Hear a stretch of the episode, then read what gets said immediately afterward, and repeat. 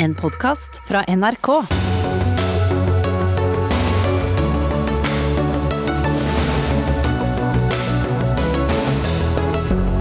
En venstremann fra Trøndelag kan komme på Stortinget med bare 1500 stemmer bak seg, mens flere enn 34 000 har stemt på noen som ikke kommer inn. Hvor rettferdig, for ikke å si forståelig, er det norske valgsystemet? Skammelig og uhørt at Odd Nerdrum blir refusert fra Høstutstillingen, sier kunstner Vebjørn Sand. Maleriet er simpelthen ikke godt nok, svarer kunsthistoriker. Byggebransjen må bruke materialer om igjen, for gammelt er godt, sier flere arkitekter. Nei, gammelt er risikofylt, advarer byggebransjen.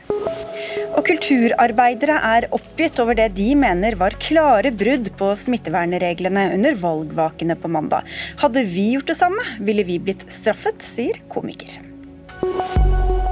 Og det blir det debatt om i dagens eh, Dagsnytt 18 på NRK1 og NRK P2, hvor vi også spør om arbeidsgiver kan be om å få se koronasertifikatet ditt. I studio i kveld, Sigrid Solund.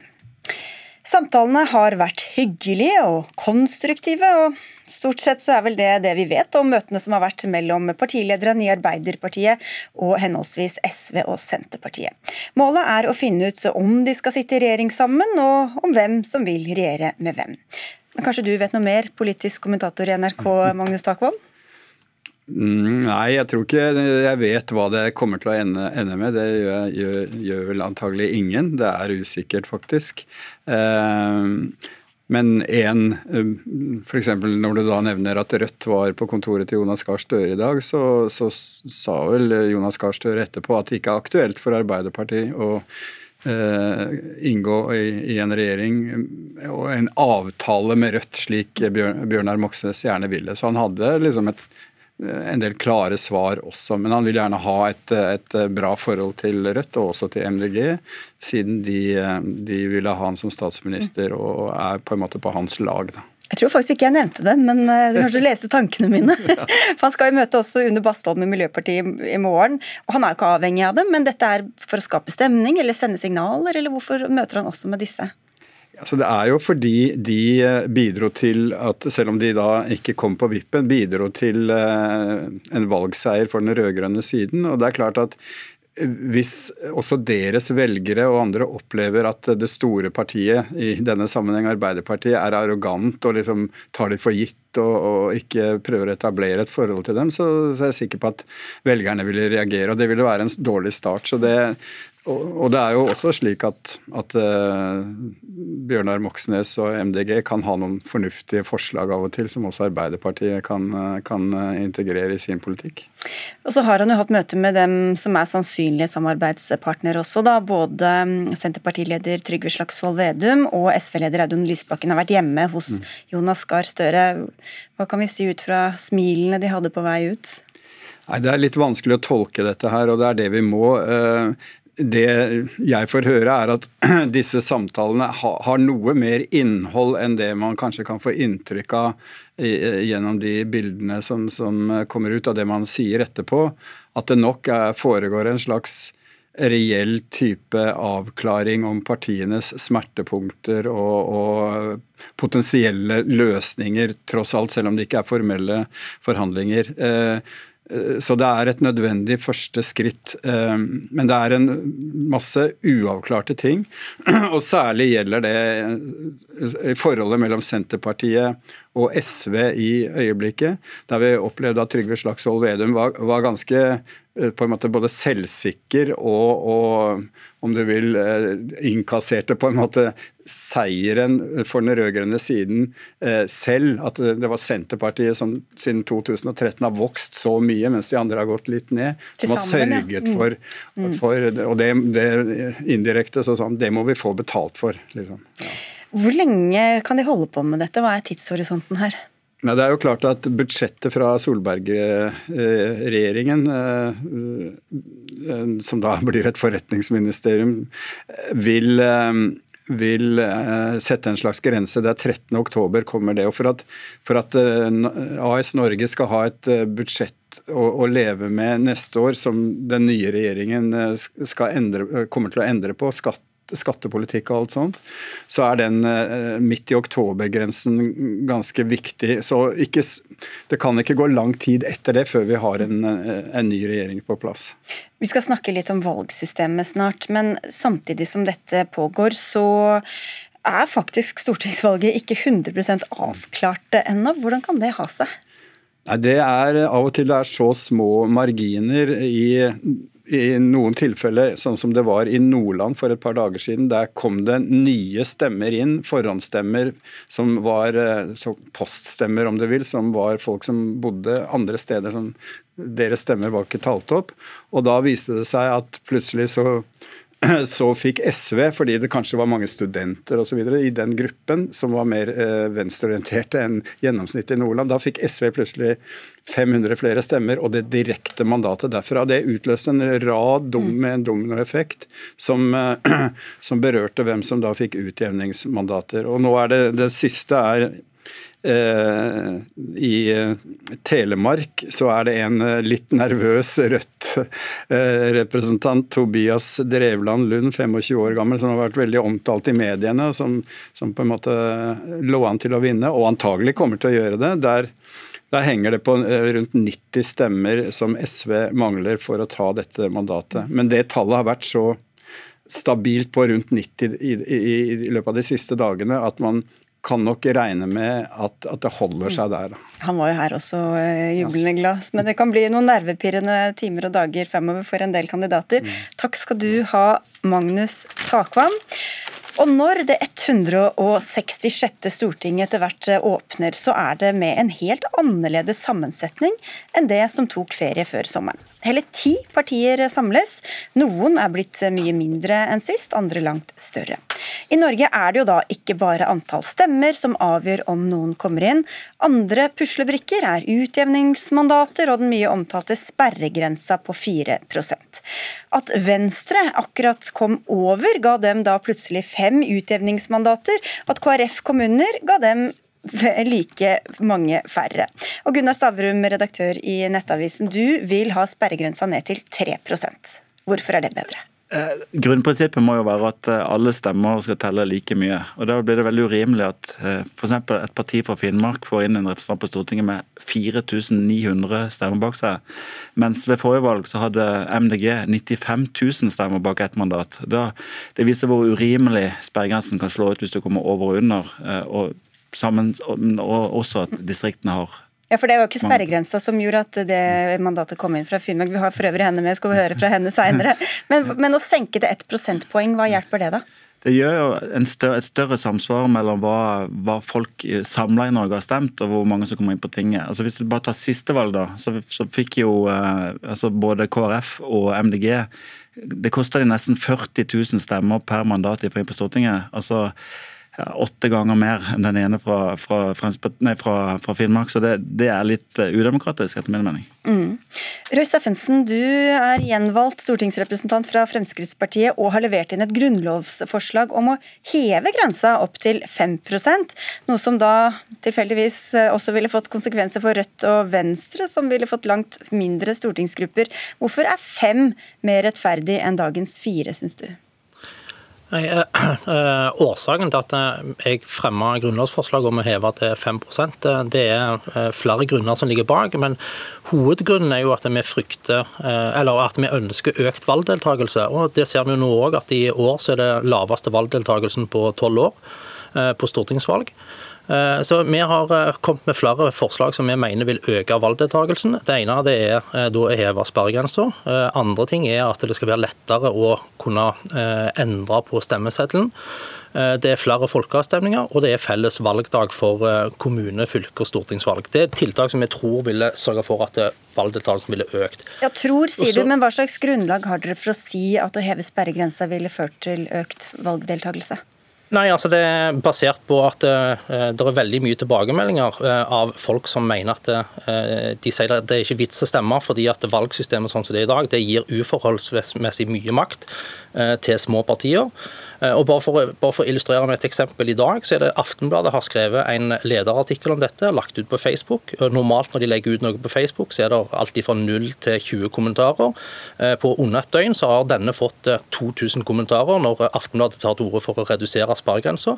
De aller fleste ønsker å heve den. og Det er jo òg en undersøkelse fra i fjor som viser at 80% av befolkningen ønsker enten å beholde sparegrensa på 4% eller øke den til 5 Og Dere pleier jo å lytte til folket i Nettavisen, gjør dere ikke det, Gunnar Stavrum? Det antar jeg det gjør NRK også, tenker jeg. Men, eh, men jeg synes ikke det, det, var ikke noe særlig god argumentasjon som ble framført her. At en teori om at å heve sperregrenser vil, vil, få høyere valgdeltakelse, det tror jeg ingenting på. Jeg tror tvert imot det er sånn at jo mer likt eh, valgresultatet blir eh, i forhold til stemmetall i befolkningen, så er det jo større grunn til å stemme. Og det, må, det er jo veldig ofte et skikkelig problem for mange om de skal stemme på et parti de tror nesten kommer opp til sperregrensa eller stemme på et annet parti. Så taktisk, eh, taktisk stemmegivning vil jo kanskje få mindre av. Ja, taktisk stemmegivning, er det bra, Røe Steffensen?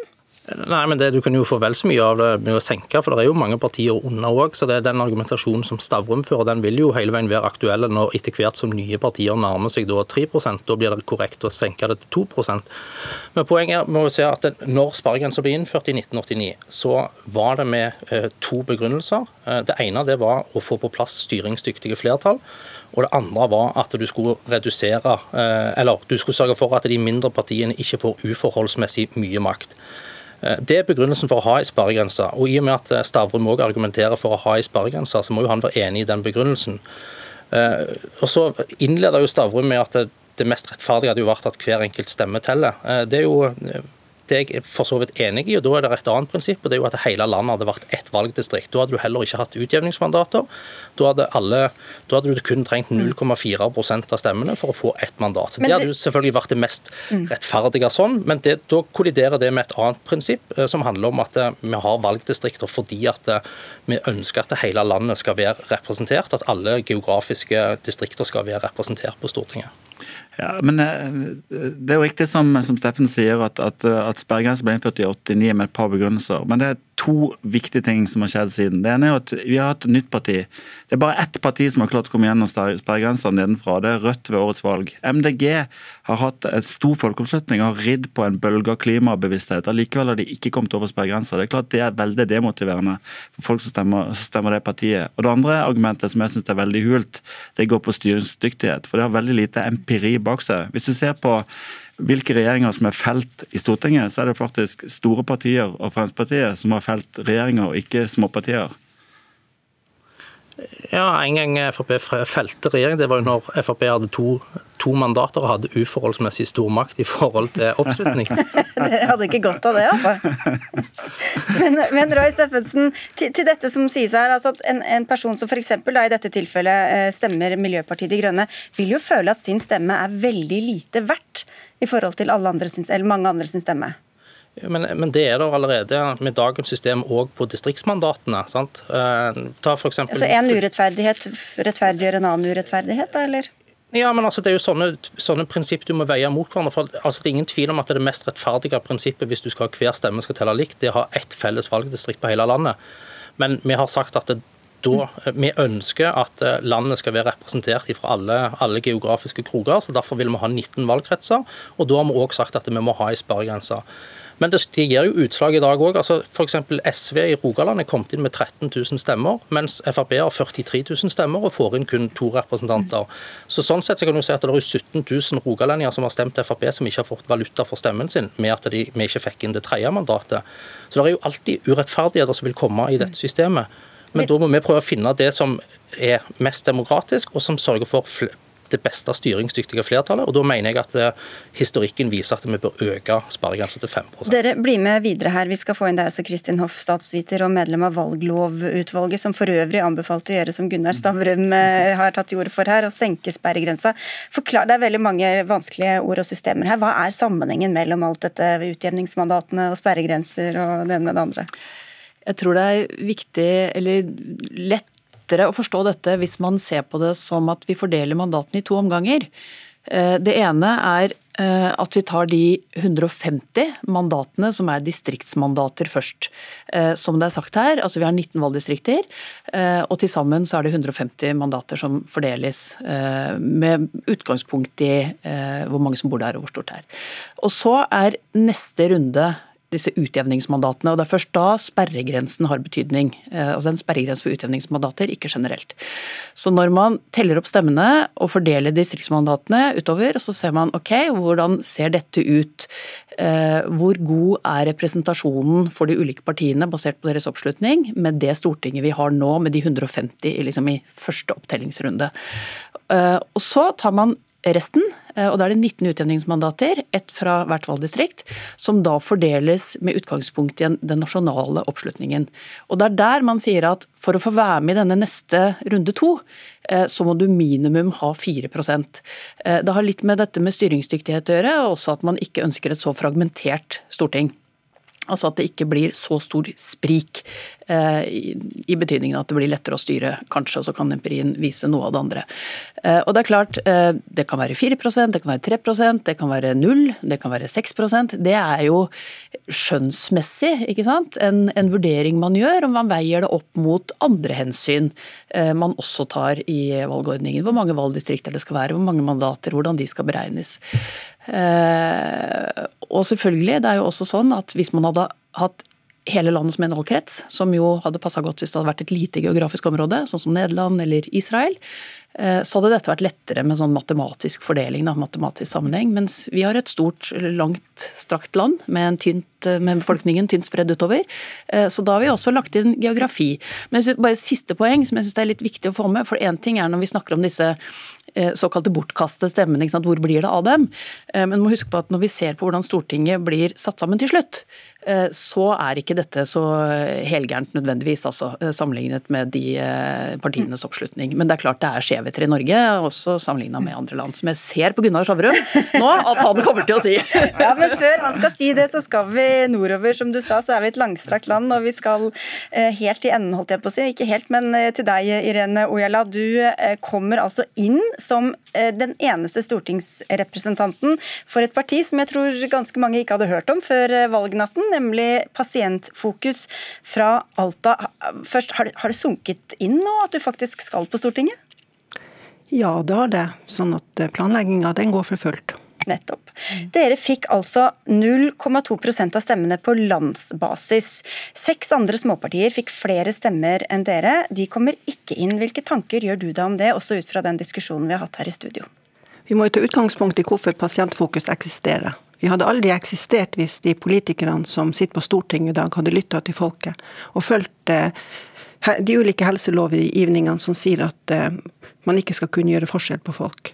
Og Vi har vært siden 2017 på 70 møter på Stortinget og fortalt dem utfordringer syke mennesker har i Finnmarks største region, men de valgte å lukke ørene for det.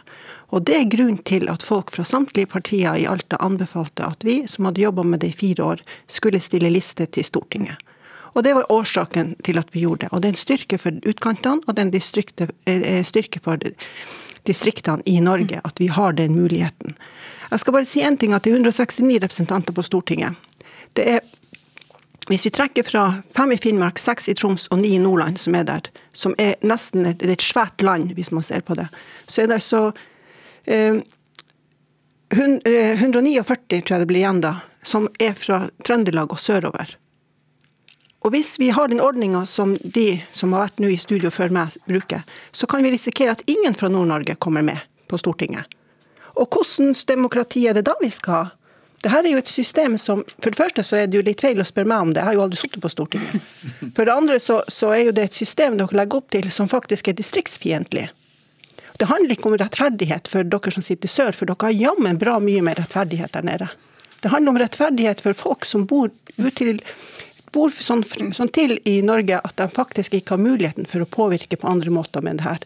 Og som en siste moment, vi, vi, kan ta, vi, kan ta, inn Gunnar Stavrum på det, bare, den, dette med hva som er rettferdig og ikke. Ja, altså det, jeg tror det er vel ingen toneangivende personer som mener at vi skal bare ha én landsdekkende liste uten noe geografisk eh, representativitet i Norge. Så Det handler jo på en måte litt som, som du sa i sted også, om ulike former for skjønn. Eh, og Jeg syns det er urimelig at det er mulig å komme inn på Stortinget med 4900 stemmer fra ett fylke, mens du, må, mens du kunne oppleve å få bare ett mandat med 95 000 stemmer. Det er rett og slett ikke rettferdig.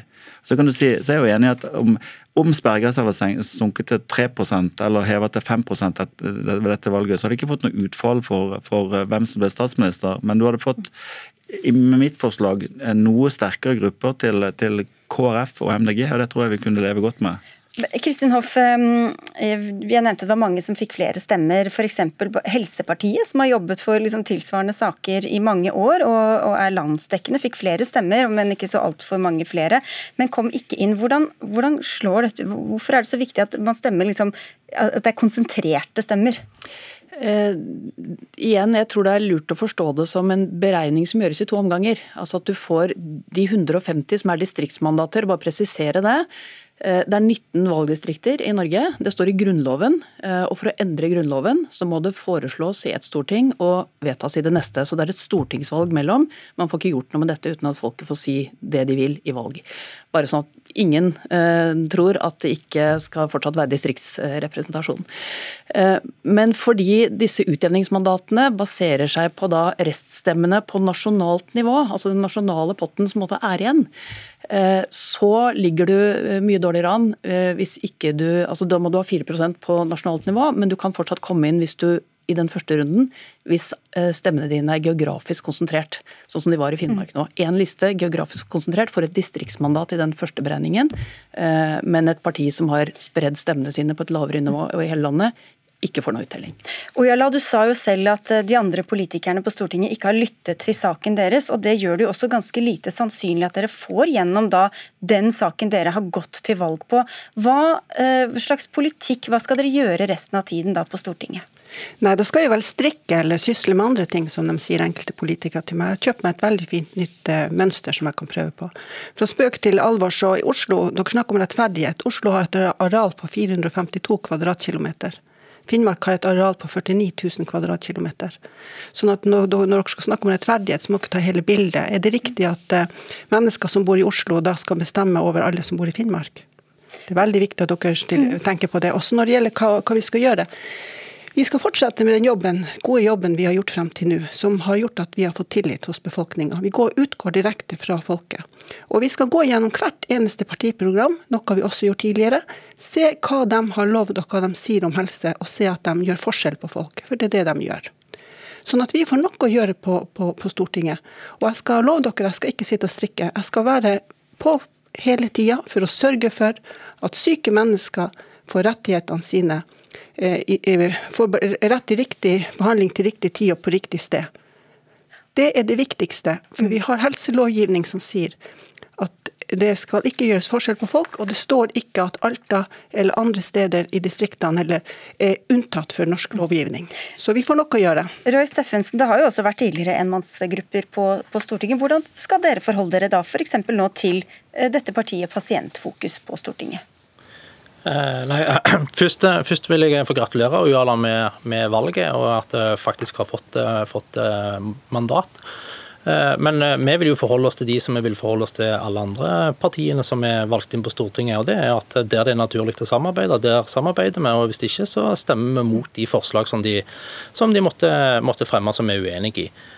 Så det, Jeg tror ikke det blir noen, noen forskjell der. Men dette, det viser uansett, med at de er valgt inn, så viser jo at det, det er jo ikke så udemokratisk valgordning vi har når vi har faktisk ti partier som er representert på Stortinget. Og Det handler jo om at alle har jo mulighet til å kjempe om de 150 distriktsmandatene. Og Kristin Hoff, det er jo Noen mener det ene er demokratisk, og noen mener det andre er demokratisk. og Det er urettferdig den ene veien eller urettferdig den andre veien. og Det er kanskje bare avhengig av øynene som ser, hvor de ser fra, eller?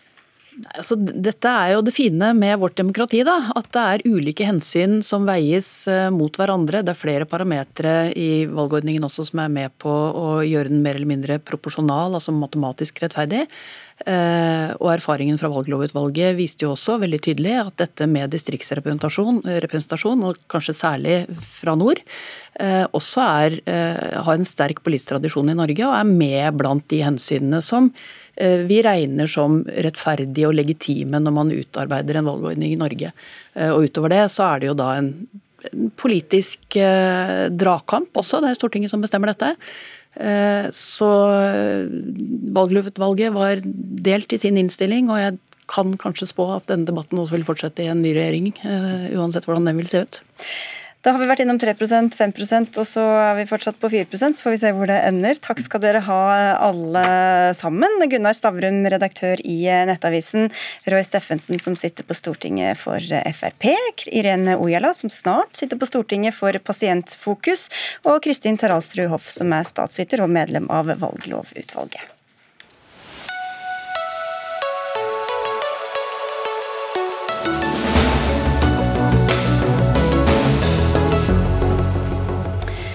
Det er flere som har bitt seg merke i at mange partimedlemmer klemte hverandre under mandagens valgvaker. Hvor ble det av smittevernet hos dem som bestemmer reglene, spør en som kommer til oss men det skjer mot slutten av Dagsnytt 18. For nå skal vi snakke om byggebransjen. Den står for 40% av verdens klimagassutslipp, 40% av energiforbruket, og bransjen genererer 40% av alt avfallet. Sånn kan det ikke fortsette, sier du og flere med deg, administrerende direktør i Mad Arkitekter Nikolai Riise. Og hva er løsningen? Løsningen er bl.a. å slippe, slutte å rive bygg og eh, behandle bygg som søppel. Eh, vi, må, vi har, eh, det er en ressursmangel på denne jorda. Og Den eneste muligheten til å, å gjøre noe med klimagassutslippene, redusere det, det er å, å ta vare på, på, det vi har rundt oss. Og gjenbruke det, og ikke kaste det. Og Hvordan skal man da gå, gå til verks hvis man enten skal bygge nytt, eller som du sier, restaurere og beholde gamle, slitte bygg? Ja, det første er at Man må se verdien av de gamle byggene. Eh, og eh, Vi er i en sånn industri hvor vi har en sånn, det er veldig mye lettere å si at dette river og bygger nytt. Fordi eh, da vet vi hva vi, hva, vi vet hva vi har, og vi vet hva vi får. Men nå er det en, en trend i å gå inn i disse konstruksjonene og jobbe ut gode, nye løsninger i de, de byggene vi har. Og Du kan bygge på, du kan bygge til, og det er bærekraftig. og Hver gang du slipper å rive en konstruksjon, så har du spart klimagassutslippet halvparten av det det er i forhold til et nybygg. Per Jeger, administrerende direktør i Boligprodusentene. Du er skeptisk til en del av dette, men hvorfor det egentlig? Vi er jo for at vi skal altså Jeg tror vi må fortsatt drive en del bygg. Altså Hvis man ser eh, rundt i Distrikts-Norge, så tror jeg det er mange bygg som eh, med fordel kan eh, rives, fordi det har et energiforbruk, det har et si, dårlig egenskaper. Så jeg tror det vil nok vil være å gå litt for langt. Men jeg tror også vi må uh, kunne gjenbruke altså Vi må kunne f.eks. bruke litt gipspla, altså gipsplatene vi tar ut av disse husene vi river, og lage nye gipsplater av det. Det gjør man i Nordgips. Da bruker man 20 av uh, dette fra det som kommer. Og så må man bruke transporten slik at det som reiser ut, og det som kommer inn. Og jeg tror at det er veldig vanskelig med det som jeg er mest kritisk til, det er disse ombruksbitene. Altså vi tar et vindu fra et sted og skal gjenbruke det. Altså Vi har kjempeproblemer med PCB-vinduer, og der er jo bransjen gått sammen om å samle inn disse vinduene, slik at disse farlige gassene ikke kommer eh, på avveier. Og det og Vi vet også det er mange andre typer egenskaper ved disse byggene, som vi da eh, skal være forsiktige med å ta bruk i nye bygg. Risen. Ja, det er altså PCB-vinduer det er et produkt av de siste års uh, produksjon av vinduer. Uh, det er nye vinduer, egentlig? Det, da. det er egentlig nye vinduer. Mm. og det er, det er, her hele problemet ligger. for Hvis du ser på en sånn typisk gammel Frogner-leilighet, så består den av, flotte, gamle vinduer. Og så er det noe, eh, sånn da, at uh, man har en tendens til å rive ut alle gamle vinduer, fordi det er støy i gaten kan være. Men det er jo faktisk slik at folk lever med gamle vinduer, og det fungerer veldig bra. Så jeg tenker jo sånn at Eh, vi er nødt til å kikke litt tilbake til hvordan vi gjorde det før. Ta vare på ressursene og se verdien av det. Men Hvordan skal man vite hvilke materialer som inneholder hva, hva som tåler, hvor lang, øh, altså, hvor lang levetid materialene har osv.? Det er derfor, det er det som er så fint med, med, oss eh, i denne bransjen her. For vi har veldig høy kompetanse på dette her. Vi er dyktige ingeniører, vi er dyktige arkitekter, så det er helt uh, uproblematisk. Det som vi gjør som vi syns er litt spennende om dagen, er at vi bygger nybygg av brukte materialer. Også konstruksjonene. og Det har vi gjort som et uh, Eh, som en pilot, bl.a. Kristian Augustgata 13, som er et bygg som Entra eier i Oslo sentrum, og Spaces er leietaker. Der fikk vi den reklamen. Ja, Der er vi klart å bygge åtte etasjer av ombrukte materialer, også bærende konstruksjoner. Vi har henta dekker fra regjeringskvartalet. Vi har hentet brukte vinduer fra, fra, andre prosjekter, og vi får det til å svinge. Og så tenker jeg Dette skal vi også gjøre med boliger. Og tenk deg bare det. Når du skal flytte inn en brukt bolig, og så får du liksom toalettet til Einar Gerhardsen som en brukt. Det er noe å gå for. Spørs hvor mange toaletter han har som kan fordele utover landet. Men Jeger, tankegangen, er du ikke enig i den? Jo, men at vi skal, og Det er derfor jeg sier at vi, jeg tror nok vi skal fortsatt rive en del bygg, og jeg tror vi fortsatt kommer til å ha, ha et behov. Vi, altså vi river for å si det sånn da, ca. 5000, eller tar ut av boligproduksjonen ca. 5000 bygg hvert år.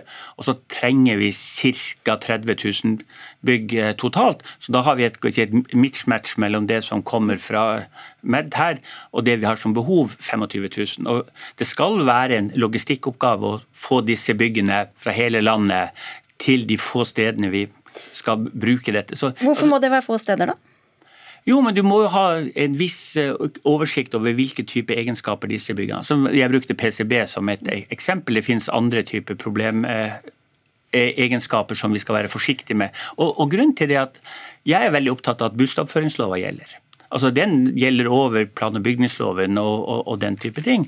Og Da skal du, pass, da skal du ta, ha omsut til han som kjøper dette, altså omsorg for, for, det.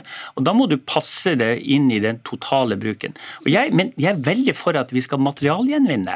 At vi kan bruke disse materialene Men ikke byggene som man lett kan tenke at dere tjener mer på å bygge nytt enn å måtte, bygge om det som allerede står jo, der? Jo, men, men veldig mange forbrukere har jo kjøpt seg et hus som de skal drive med å pusse opp eh, som et eh, oppussingsobjekt.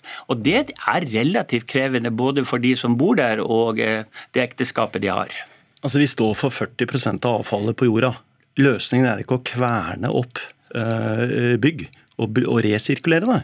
Så det er, og så er det et eller annet sånn da, Bostadoppføringsloven. Det, det, er mange regler. Det er en sånn femårs på, på, på et på en bolig du liksom kanskje bruker 5-10-15 millioner kroner på. Det er, det, er liksom, det er, ikke bra, dette vi driver med. Vi må begynne å liksom bare tenke, liksom gjenbruke gode materialer. Vi må fokusere på varighet og dytte disse, alle disse tullete forskriftene som lager problemer for oss. Det, men for De aller fleste sektorer blekner jo i forhold til deres egentlig når det gjelder utslipp og avfall. Da. Hvordan, hvordan mener du at man skal kutte? Altså, altså, for det første så må vi bli enige om at i Norge så har vi ca. 20 Eh, og kanskje i underkant av det. Vi er blitt veldig gode på det med avfallshåndtering. Det er nesten ikke avfall på bygg som, som bygges nye i dag. Iallfall ikke det som er småhus og folk som bygger jevnt og trutt. Hvis man bygger spesialbygg som man da ikke har prosjektert ordentlig på forhånd, så får man mye ekstra problemer rundt det. Men så vi er ikke, altså Jeg kan ikke være med på at vi er på 40% men det var som du sa, det var på verdensbasis.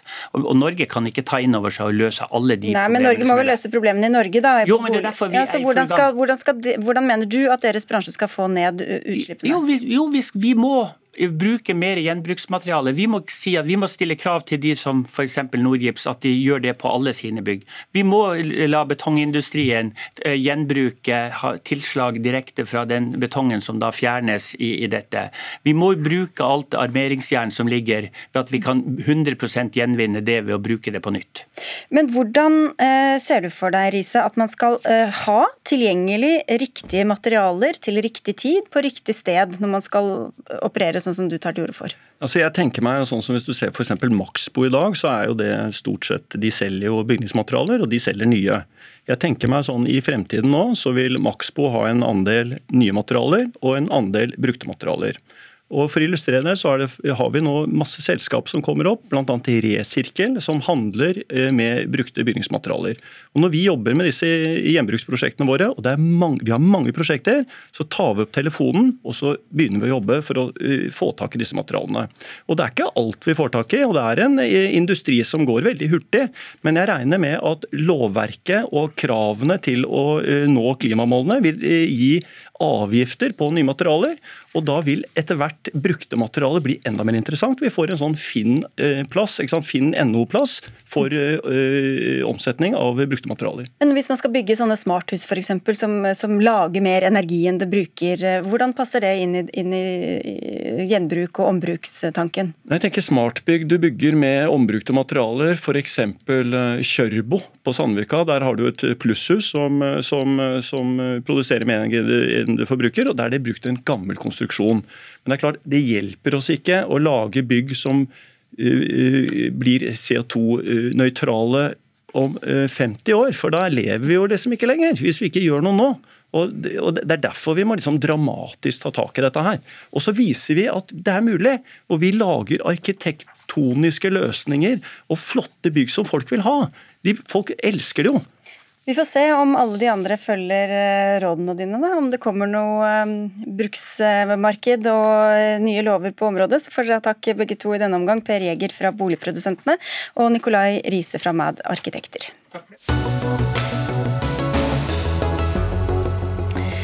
Årets høstutstilling er åpnet, men statens 134. kunstutstilling fant ikke plass til kunstneren Odd Nerdrums maleri 'Tre menn i en båt'. I stedet ble maleriet avduket på et annet galleri i Oslo i går. Bildet viser, som de som følger oss på TV ser, tre nakne menn i en trebåt. Du, Vebjørnsson, kunstner, kaller refusjonen fra høstutstillingen for både uhørt og skammelig. Men nå er jo bildet kommet ut til folket. Hvorfor er det skammelig at ikke akkurat høstutstillingen eh, viser det fram? Jo, eh, man må forstå den refusjonen på bakgrunn av Odd Nerdrums snart 50, altså over 50 år lange historikk i norsk kunstliv. Og det er jo et kunstliv som har vært marinert av et modernistisk kunstsyn. Som et syn som har gjennomsyret kunstinstitusjonene, eh, komiteene som velger ut, utdannelsesinstitusjonene osv. osv.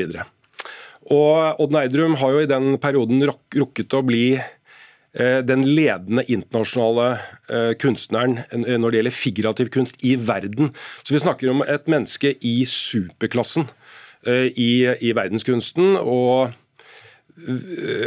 han har blitt slaktet og utestengt i Norge, eh, også kommet inn innimellom. Men 13 ganger på høstutstillingen? Etter, ja, men etter at han fikk sitt internasjonale gjennombrudd, så, så turte ikke norske kritikere annet enn å og så skrive noe pent om Odd Nerdrum. Men, det, men det er, dette er, er kunstpolitikk, uh, systematisk, og det er både jeg et vitne på, og mange andre figurative malere som har på en måte stått og sett på dette her. Norske billedkunstnere bare nevne det, som arrangerer høstutstillingen, ønsket ikke å delta i debatten. Men Mona Palle Bjerke, kunsthistoriker og kunstkritiker i NRK, burde de funnet plass til dette bildet?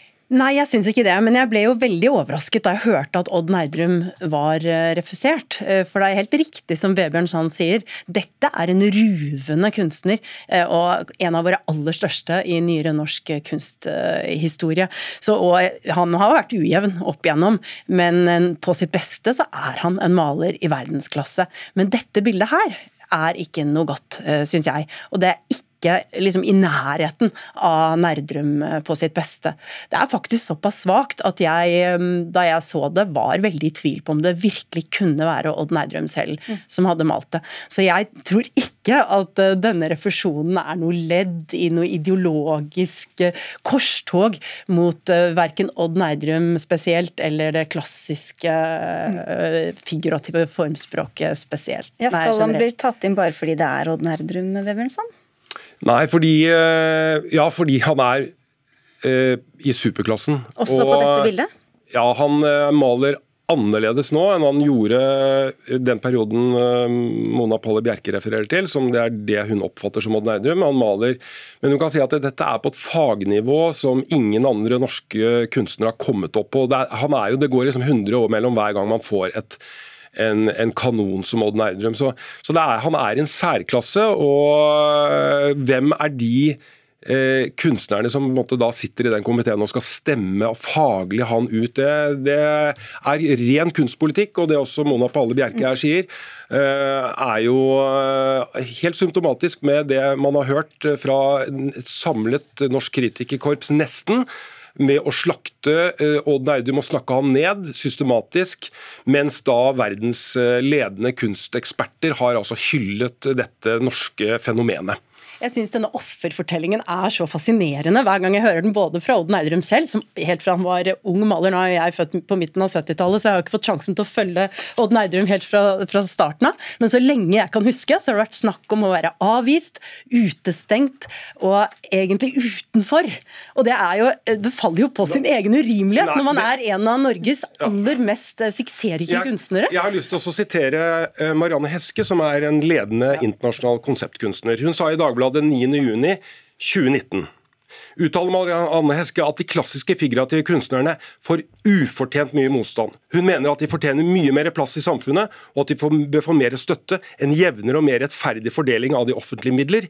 Videre at de bør få offentlig utsmykningsoppdrag og en større plass i det offentlige rom. Hun mener at det er for lite kunnskap om den klassiske figurative kunsten, og sier det er uhørt at det ikke finnes en professor i klassisk figurativ kunst på Akademiet. Heske avslutter med at det er på tide å ta de klassiske figurative kunstnerne inn i varmen. Du bør snakke med Marianne Heske, som er, som er altså en, en, av våre ledende konseptkunstnere i verden, og hun står nøytralt ja, da er du Jeg er enig med ja, deg og Marianne Heske ja, om dette. Okay. Tusen takk, Marianne.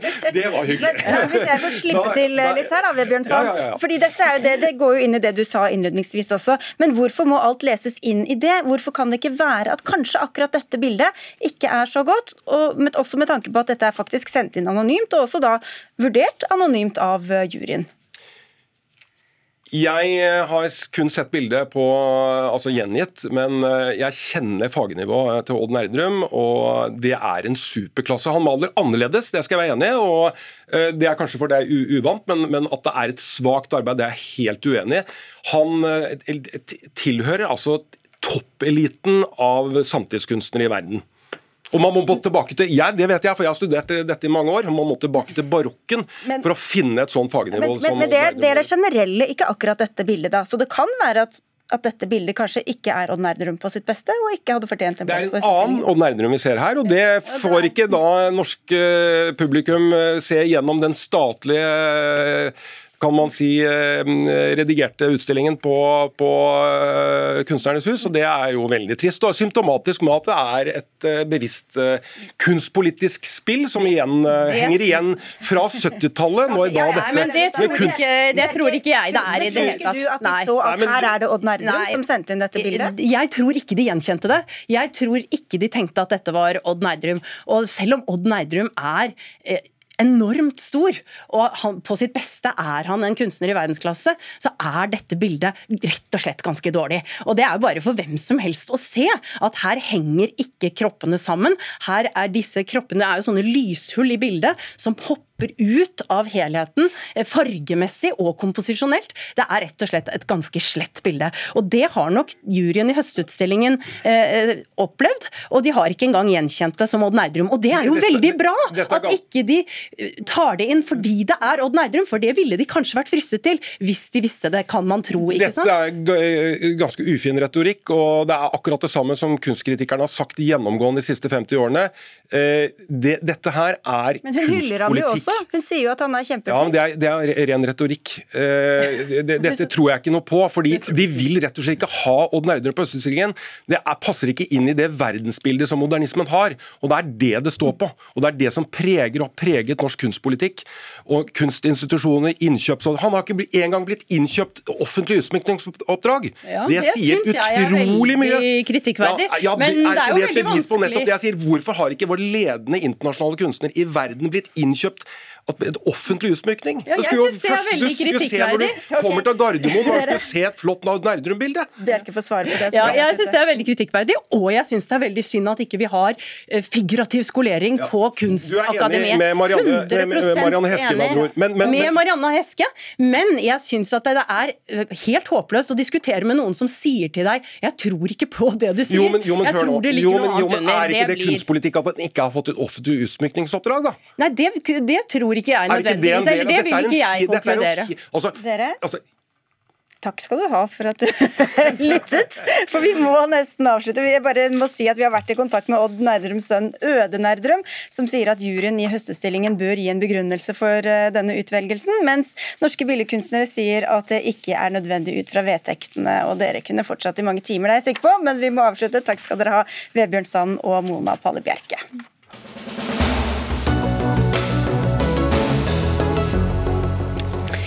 I disse dager er det mange som legger tiden på hjemmekontor bak seg for å dra tilbake på arbeidsplassen. Der kan det jo hende at de blir spurt av sjefen sin om de har tatt koronavaksine og har koronapass. For dette skjer, Farah Ali Leva, advokat i fagorganisasjonen for ingeniører og IT-arbeidere, NITO. Ja, det hender at eh, vi har fått en del henvendelser hvor arbeidsgivere spør om de er vaksinerte og kan fremlegge koronapass eller sertifikat.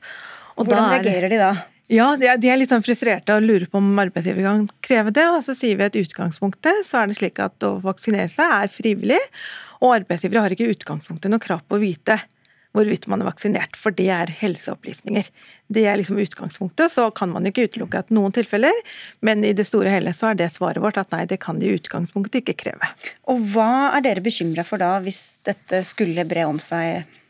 Ja, altså må vi tenke at Koronapass i seg selv eller koronasertifikat. Eh, intensjonen bak det er jo for å åpne samfunnet.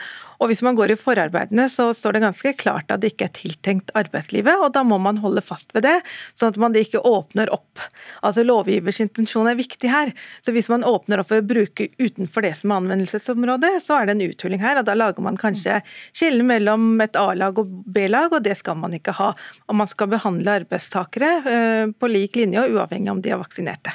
Mari Wærling, du er jurist og har skrevet et innlegg i Dagens Næringsliv sammen med Nicolai Skarning, og sier at arbeidsgivere kan i enkelte tilfeller kreve koronapass for å få folk tilbake på arbeidsplassen. Hva slags tilfeller tenker dere på da? Da tenker vi først og fremst på, på, de tilfellene der hvor man ikke kan oppnå tilstrekkelig smittevern eh, gjennom andre eh, tiltak.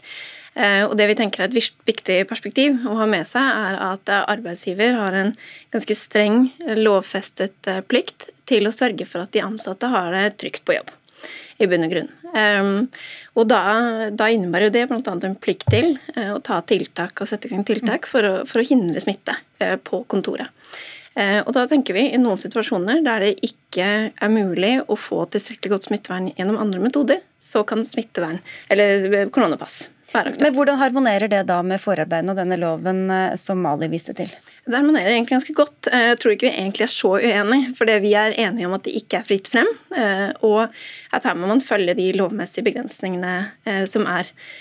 Og det å be om koronapass vil være såkalt kontrolltiltak, som er et tiltak som si er mer inngripende. Man kontrollerer de ansatte på en mer inngripende måte enn det som er vanlig. Og for at det skal være lov, så må det for det første være saklig begrunnet, og man må ha et behov for det som er forholdsmessig sammenlignet med det inngripet det utgjør. Ehm, så det må rett og slett være nødvendig, eh, og det er en vurdering man må gjøre. Bare nevne også at Italia har vedtatt i dag faktisk at alle arbeidstakere må kunne framvise et grønt koronapass, både i privat og i eh, offentlig eh, sektor. Enten man er da vaksinert, har testet negativt eller nylig har hatt covid-19-sykdom.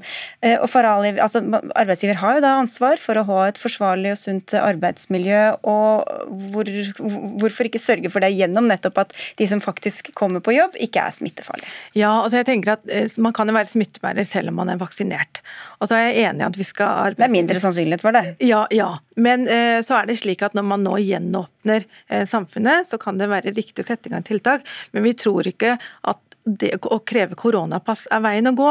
Eh, og så tenker jeg det vil være variere fra arbeidsplass til arbeidsplass. Men har du kontoransatte, vi opplever en del henvendelser fra kontoransatte som, hvor arbeidsgiver krever. Og der tenker jeg at det er ganske mange andre tiltak, mindre inngripende tiltak som kan være som kan uh, kanskje være bedre formål, altså bedre. Så må vi ikke glemme at vi er på vei til flere og flere blir vaksinerte. Uh, og at kanskje hensynet bak altså det krever koronapass altså mindre. Uh, og det vi opplever, er at man blir eh, for det første så er det som jeg sa innledningsvis, det er frivillig valg. at Man kan eh, velge å vaksinere. og Når man har tatt det standpunktet, eh, så, det, eh, så, må man også arbeidsgiver kunne legge, og det finnes andre tiltak enn å vise koronapass. Men hva med dem som ikke kan eh, bli vaksinert av helsemessige årsaker? Hva med deres helse på arbeidsplassen da, hvis det kommer andre uvaksinerte dit? Ja, altså Vi er jo opptatt av både ansatte som er vaksinerte og eh, ikke-vaksinerte. og jeg tenker at Arbeidsgiver må ta hensyn til det. Så hvorvidt noen tilfeller tilfeller at det skal kreves, det må jo vurderes konkret. Men i utgangspunktet, vi må holde fast ved utgangspunktet, hvor det er et koronapass, det er ikke tiltenkt arbeidslivet. For både i dette tilfellet og der hvor man kanskje har tatt eller ikke vil ta, så må man jo komme med helseopplysninger til sjefen sin som man eller hun kanskje egentlig ikke har krav på å få vite, eller som man ikke er komfortabel med å dele? Ja, eh, og det er nettopp den vurderingen man må gjøre, da, om, man, om arbeidsgiver kan kreve det. Eh, og Der er jo arbeidsmiljøloven har, har regler eh, for det, og, og, og, forarbeidene viser nettopp til at smittevernloven gir ikke adgang til å kreve koronapass fra arbeidsgiver, altså at arbeidsgiver kan kreve det, men med mindre det har forankring i, i lov. da. Eh, eller, eller i, i, forskrift. Og Arbeidsmiljøloven er jo nettopp en sånn lov eh, som, som, som, kan gi grunnlag for at man kan kreve det. Men det vi tenker er viktig her, er for så vidt at eh, for det første så, så bør det være et midlertidig tiltak. Eh, fordi her må man jo hele tiden løpende vurdere ut fra smittesituasjonen til enhver tid. Så det som kan være lov i oktober, er ikke nødvendigvis lov i desember. Eh, så det er viktig å ha med seg. Og så tenker vi det er viktig å ha en god prosess da, med å involvere tillitsvalgte osv. Og, så og hvor god kunnskap tror dere at norske vanlige sjefer har til alle disse ulike lovene som veies opp mot hverandre? Ja, vi tror at det er forbedringspotensial der. For at det vi opplever, og senest i dag, når eh, våre advokatkollegaer går ut og sier at dette kan være et tiltak, så får vi henvendelser og sier at eh, er dette noe arbeidsgiver, så sier jeg nei, utgangspunktet er, er, nei, og så må man vise igjen til, til, til regelverket. Så jeg tenker at her er nok opplysningsarbeid som man kan gjøre. Heldigvis hører jo alle på Dagsnytt 18, så da har alle fått litt mer innsikt i dette. Vi skal si tusen takk til dere begge to, Farah Ali, jurist i eh, NITO, og Mari Wærling, som er senioradvokat i Kvale advokatfirma. Og så skal vi snakke litt mer om korona.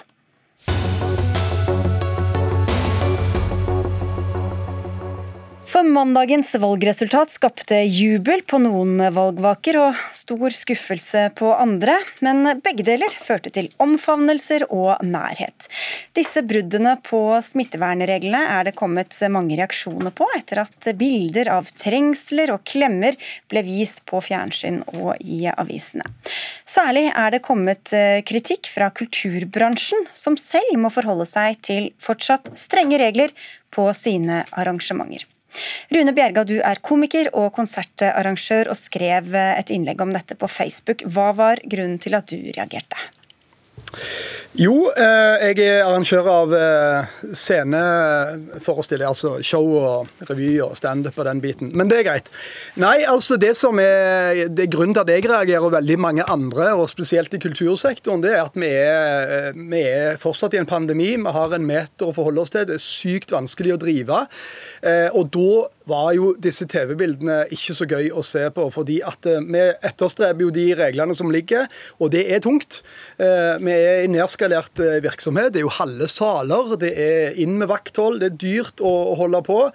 Og når da politikerne våre, toppolitikerne våre da fester som om pandemien er helt over, det er klart den kjennes i, i margen. Så Det var sånn en tverrpolitisk kollaps den mandagen der. Jeg har ikke et bedre ord på det. Og Hvilke signaler mener du det sender? Det sender mange signaler. For det første så sier du at pandemien er over, kan du si. Det er jo det de egentlig sier. Dette er, dette er myndighetspersoner. Dette, dette, er forbilder. Folk vi, ser opp til folk som styrer landet vårt, skal styre landet vårt, og forventer ganske mye av, av den gjengen der.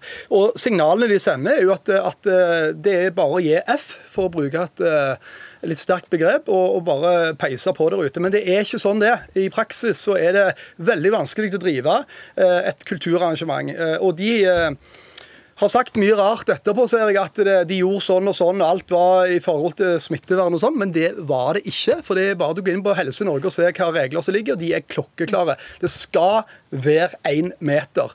Eh, og den meteren der, den hadde ikke de, og det er der et digitalt DNA-bevis på, nemlig TV-bildene hos dere og TV 2 og nettavisene. Sabine Andreas Korkunch, du er statssekretær i Helse- og omsorgsdepartementet. Tverrpolitisk kollaps. Hva skjedde på mandag, egentlig? Eh, jeg, jeg, var ikke der, men jeg så noen TV-bilder. Du kjenner noen som var der? Det gjør jeg. Mange som tenkte en trøstende klem og seiersklemmer. Eh, og det er klart at det, Jeg forstår veldig godt det at Rune Berge og kultursektoren reagerer. Eh, for det er klart, Vi har fortsatt en pandemi, både i Norge og i verden, og meteren gjelder fortsatt. Så akkurat det har jeg veldig stor forståelse for. Og så har jeg opplevd at diskusjonen etterpå har vært har det vært noen andre regler for valgvaker sammenlignet med andre arrangementer. Det har det ikke. Det er de samme reglene som gjelder. Også for, både for kultursektoren og disse valgvakene. For dette var et eh, arrangement som må forholde seg til arrangementets uh, regler? Det er ja, helt korrekt, ja. Og hva er de reglene når dere arrangerer ting, Bjerga? Nei, reglene er så vi, vi må, Det er meteren mye det går i. og Det betyr at vi driver nedskalert virksomhet. Det betyr at det er halve saler og vel så det for å få eh, folk inn. og Det er jo noe som går utover økonomien igjen og gjør det vanskelig å drive. Så har vi jo eh, kompensasjonsordninger eh, og, og, eh, stimuleringsordninger, men det er ikke alle som får det heller, eh, av ulike årsaker. så det at Noen her havner jo i, i, i midt mellom en veldig vanskelig skvis, veldig vanskelig å drive. Så det det er, eh, det, er dumt å se på da, når toppolitikerne våre gjør som de gjør den kvelden der. Følelser det er jo én ting, eh, og det forstår jo alle. Både de vonde og gode følelsene den kvelden. Men det gjelder jo å ha hodet med seg. Men klart, eh, i NRK her, deres egen journalist, for det er ikke bare politikerne den kvelden som, som går på en liten kollaps. Dere har jo Ingrid Stensvold, som, som er en ypperlig programleder og journalist uansett. Men akkurat den kvelden så sier hun at smittevernreglene er også oppheva der for kvelden. Det får vi leve med sier hun live. Det er noe som er litt fint med det også, sier hun videre. At vi kan glemme det et øyeblikk når gleden er stor slik som den er nå. Sier òg journalistene, som da for øvrig hang rundt disse politikerne som om det ikke var pandemi. Så det gjelder jo i aller høyeste grad dere òg. Og hvis det var én kveld Må jeg forsvare Ingrid Stenvold her, da? Eller hun er i hvert fall ikke til ja, stede. Kan hende hun Det var mer en observasjon enn en, eh, en, en meningsytring, men Ja, det var dine ord, men det var i hvert fall det hun sa. Og poenget var i hvert fall det at hvis det var én kveld de virkelig skulle tatt seg sammen og vist at eh, ja, vi er forbilder og gjør dette som det skal være etter boka, så var det akkurat den kvelden der. Så jeg er helt uenig med henne i den. Det er jo politikerne som vedtar reglene her. Korkunsch, og Hvilket signal sender det da at eh, med en gang det, gjelder, det er dem det gjelder, så er det ikke så farlig lenger med disse reglene? Det er klart at det ligger et veldig stort ansvar på oss å følge de eh, rådene og reglene som vi selv eh, setter. Absolutt. Så jeg er enig i det som sagt. Jeg forstår veldig godt disse reaksjonene. Og så har jeg sett ellers i samfunnet også at mange nok har glemt dette med avstand. og Det er viktig å minne om at det er fortsatt en god del strenge tiltak, bl.a. for kultursektoren alle mulige andre arrangementer, utesteder, eh, innreise osv. fortsatt. Så det er veldig viktig at ingen av oss, også vi politikere, ikke altså glemmer det. Men var det lagt opp til én meter mellom alle stoler, annethvert sete? Nå var det ikke akkurat fastmonterte seter der hvor de fleste oppholdt seg, da, men var det disse smittevernreglene i utgangspunktet? Kravet i covid-19-forskriften eh, det er at arrangøren må legge til rette for at det er mulig å holde, avstand. Og Det er å sørge for at det ikke er mange, eh, for mange til stede, at det er mulig å, å sitte med minst én meter fra skulder til skulder, eh, og en hel rekke andre tiltak. Eh, slik jeg har forstått det, så er det ingen eh, som, som, har brutt akkurat det. altså Det er ingen arrangører som kan lastes for dette. Altså, ingen, som, det får ikke konsekvenser i form av bøter eller tilsvarende? Nå har ikke jeg vært på alle disse, men, men i utgangspunktet så er det sånn at arrangøren har ikke ikke noen plikt til å gripe inn om noen av deltakerne på et arrangement står for nærme. Så det tilligger oss alle, ikke bare på valgvake, men også alle andre arrangementer, å, å følge de rådene som gjelder. Men selv om dette ikke er et brudd på loven, så er det klart at det er jo sannsynligvis et brudd på anbefalingene. Det tror jeg er ganske tydelig. Eh, så det er klart at da må vi jo alle eh, skjerpe oss, ikke minst oss politikere. Hva tror du ville skjedd hvis eh, noe tilsvarende hadde skjedd på et arrangement du, du sto ansvarlig for, Bjerga?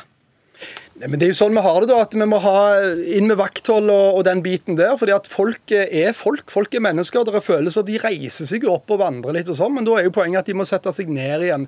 De må sitte med bordene, og skal de på toalettet, så er det greit, det, men, men, ikke noe mer enn det. da. Og Jeg tviler ikke på det at, at alt var tilrettelagt her for arrangørens del. for Det er jo det, de, det, det, disse husene gjør. De har arrangementer, og de går all in for å, å holde smittevernet altså, i, i, henhold til det de skal.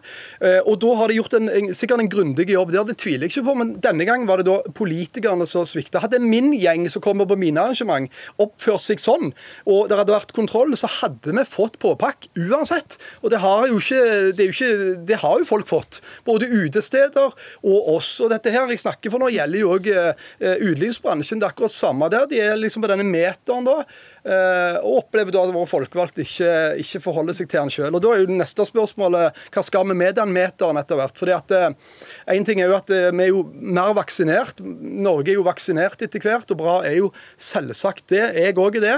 Eh, men så har jo Helsedirektoratet gått ut og sagt og, at, og sendt brev til kommunene at de kan prøve altså, å nedskalere eller ta ned ressursbruken på smittesporingen. Så da er spørsmålet til min motdebattant, som det heter, hva, hva skal vi med denne meteren egentlig? For jeg tror ikke vår bransje helt Og må, hvis, du, hvis, han skal få lov å svare, så må han gjøre det nå. Og, spørsmålet er også da hvor lenge dette skal fortsette, Korkurs? Ja. Nei, eh, vi håper jo da, altså vi har en ambisjon om å nå 90% fullvaksinert av de over 18 år i vaksinasjonen. Det er en av de viktigste milepælene våre. Når vi er nærme den, så er sannsynligheten for at vi kan gå over til en normal hverdag med økt beredskap, og da fjerne alle disse restriksjonene for, for Rune og okay. hans kolleger. Imens får man klemme helt privat hjemme. Takk skal dere ha begge to. Anne Katrine Føhli, Marianne Myhrol og jeg, Sigrid Solund, takker for følget.